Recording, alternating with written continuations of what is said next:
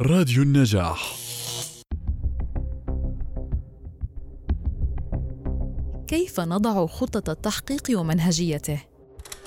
وضعت منظمة الصحافيون من أجل حقوق الإنسان منهجا في إعداد التحقيقات والتقارير الصحفية عن قضايا حقوق الإنسان يعتمد على بذل الصحفي جهدا كبيرا في الوصول إلى الأسباب الجذرية لانتهاكات حقوق الإنسان ومعرفتها ونشرها مع التركيز على أصحاب الحق وما وقع عليهم من انتهاك ومعايشتهم بهدف الوصول إلى حقيقة ما جرى معهم ونقل معاناتهم وأنسنة التحقيق ومساءلة الجهات المنتهكة للحق الإنساني موضوع التحقيق المعنية بحماية الحق واحترامه عبر معرفة لماذا قام بهذا الانتهاك وما هي أسبابه وإلى متى سيستمر الانتهاك ومتى توقفه وكيف؟ وهل يقبل المسؤول ممارسة هذا الانتهاك على فرد من أسرته؟ يطرح الصحفي الأسئلة الصعبة ويواجه المتسبب والمسؤول عن هذه الانتهاكات بالحقائق والأدلة والبراهين التي جمعها سابقا ليتأكد بدقة وثقة وبلا شك مما حدث ولماذا حدث وكيف حدث وماذا يجب أن يحدث لإعمال حقوق الإنسان. يمارس الصحفي دورا شبيها بدور المحقق الشرطي الذي يجمع المعلومات لكن بلا أدوات قانونية على خلاف المحقق الشرطي. وفي إطار ذلك يبرز دور السلطات الحكومية والمؤسسات والعاملين الذين تقع على عاتقهم مسؤولية قانونية تتطلب الاحترام والحماية لتعزيز حقوق الإنسان. في ظل البيئة والتشريعات القانونية المحلية والمواثيق والمعاهدات الدولية الخاصة بحقوق الإنسان المصادق عليها من الدولة. يتكون منهج منظمة الصحافيون من أجل حقوق الإنسان من خمس مراحل وهي: المرحلة الأولى التحليل السببي السبب الأول يحدد الصحفي الانتهاكات الواقعة على حقوق الإنسان والأسباب المباشرة والكامنة والجذرية. المرحلة الثانية تحليل الأدوار. يحدد الصحفي الجهة أو الجهات المسؤولة عن الانتهاكات مؤسسات كانت أو أفراد أو حتى جماعات ويحدد دورها بدقة. المرحلة الثالثة جمع البيانات والمعلومات. يجمع فيها الصحفي الأرقام والإحصائيات والتصريحات والبيانات والوثائق.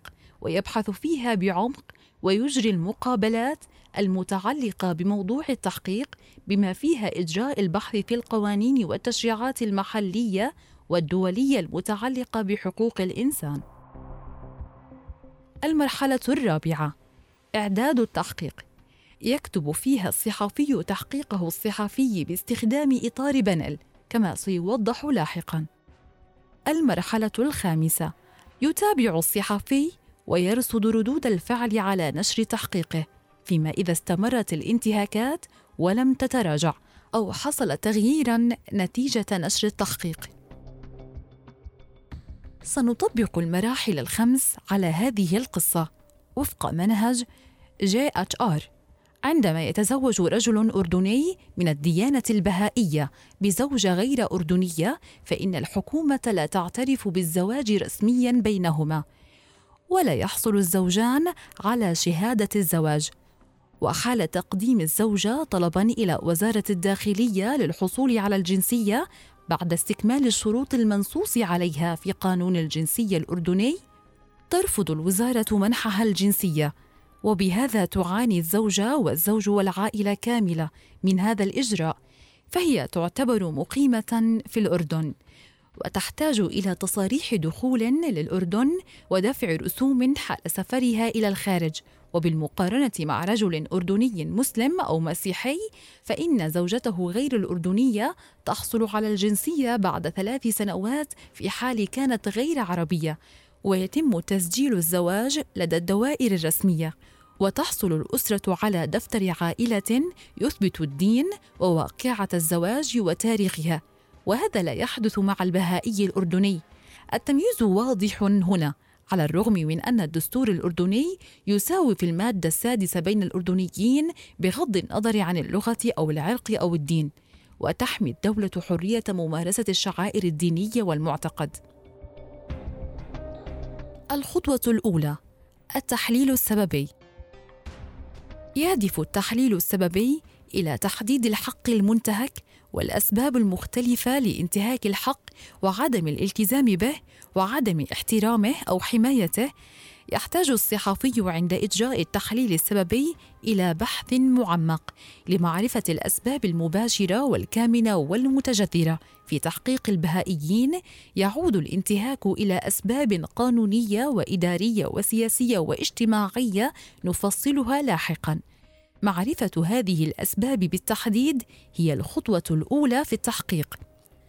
بعد انتهاء الصحفي من تحقيق الحق أو الحقوق الإنسانية المنتهكة في موضوع التحقيق قيد الإعداد يحدد بشكل واضح أصحاب الحق أو الحقوق.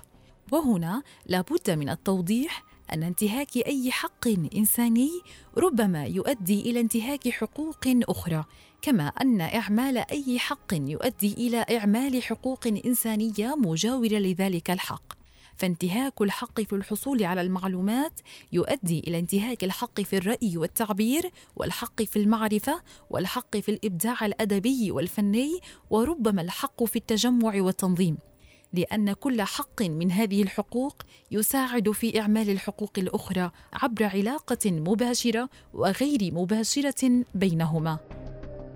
ففي تحقيق البهائيين أدى انتهاك الحق في المعتقد والممارسة الدينية إلى انتهاك الحق في تكوين الأسرة والحق في الجنسية والحق في المساواة بين المواطنين كما أن دائرة أصحاب الحقوق تتسع مع الانتهاك فربما تمس فردا من ناحية الشكل لكنها تمتد إلى أسرته في بعض الأحيان.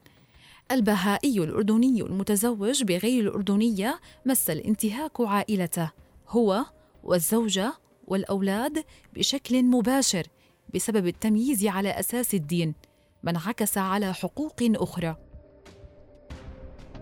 بعد تحديد أصحاب الحقوق يحدد الصحفي الأسباب الجذرية الكامنة وراء عدم احترام الحقوق وحمايتها أو الوفاء بها أو السبب وراء فشل أصحاب الحقوق في المطالبة بها.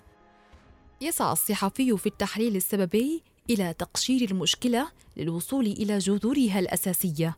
ما الأسباب المباشرة للانتهاك؟ السبب المباشر هو السبب ذو الصلة المباشرة بأصحاب الحقوق.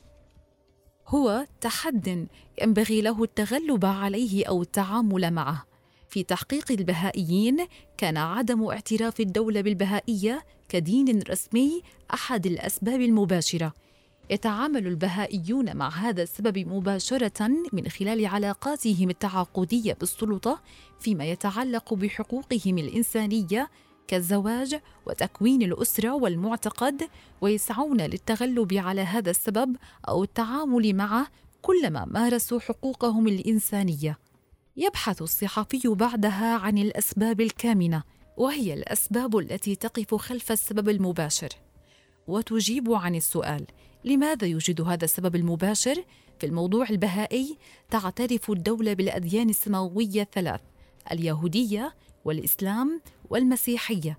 أما السبب الكامن الأول فهو اعتقاد بعض صناع القرار أن البهائية جزء من الإسلام. ومن الأسباب الكامنة أيضا أن الإسلام دين الدولة بموجب الدستور وأن الإسلام يعترف باليهودية والمسيحية وأن النبي محمد صلى الله عليه وسلم خاتم الأنبياء والمرسلين على عكس الدين البهائي. الذي يعترف بحضرة بهاء الله رسولا بعد النبي محمد صلى الله عليه وسلم. يستمر الصحفي بالبحث بشكل أعمق ويسأل ما هي الأسباب الجذرية للانتهاك. هل تعود لأسباب سياسية أم ثقافية أم اجتماعية؟ الخطوة الثانية تحليل الأدوار. بعد تحديد أصحاب الحقوق والأسباب يتم تحديد الجهات المسؤولة والتزاماتها. ما هي الجهات المسؤولة؟ تتمثل الجهات المسؤولة في مؤسسة أو جهة حكومية أو مسؤول أو شركة. عليهم واجب قانوني في احترام وحماية أعمال حقوق الإنسان. كذلك على الأفراد واجب قانوني من أجل احترام حقوق الإنسان. وتنقسم الالتزامات الدول لتنفيذ القانون الدولي لحقوق الإنسان إلى ثلاث مستويات. اولا الاحترام. الامتناع عن اتخاذ أي إجراء من شأنه حرمان الأفراد من التمتع بحقوقهم. مثال على الدولة اتخاذ كافة الإجراءات لضمان حق المواطن في تكوين أسرة أو سن التشريعات التي تضمن حق المواطن في ممارسة شعائره الدينية. ثانيا الحماية. لمنع انتهاكات حقوق الإنسان من قبل أطراف ثلاثة. مثال تجريم خطاب الكراهية ضد البهائيين.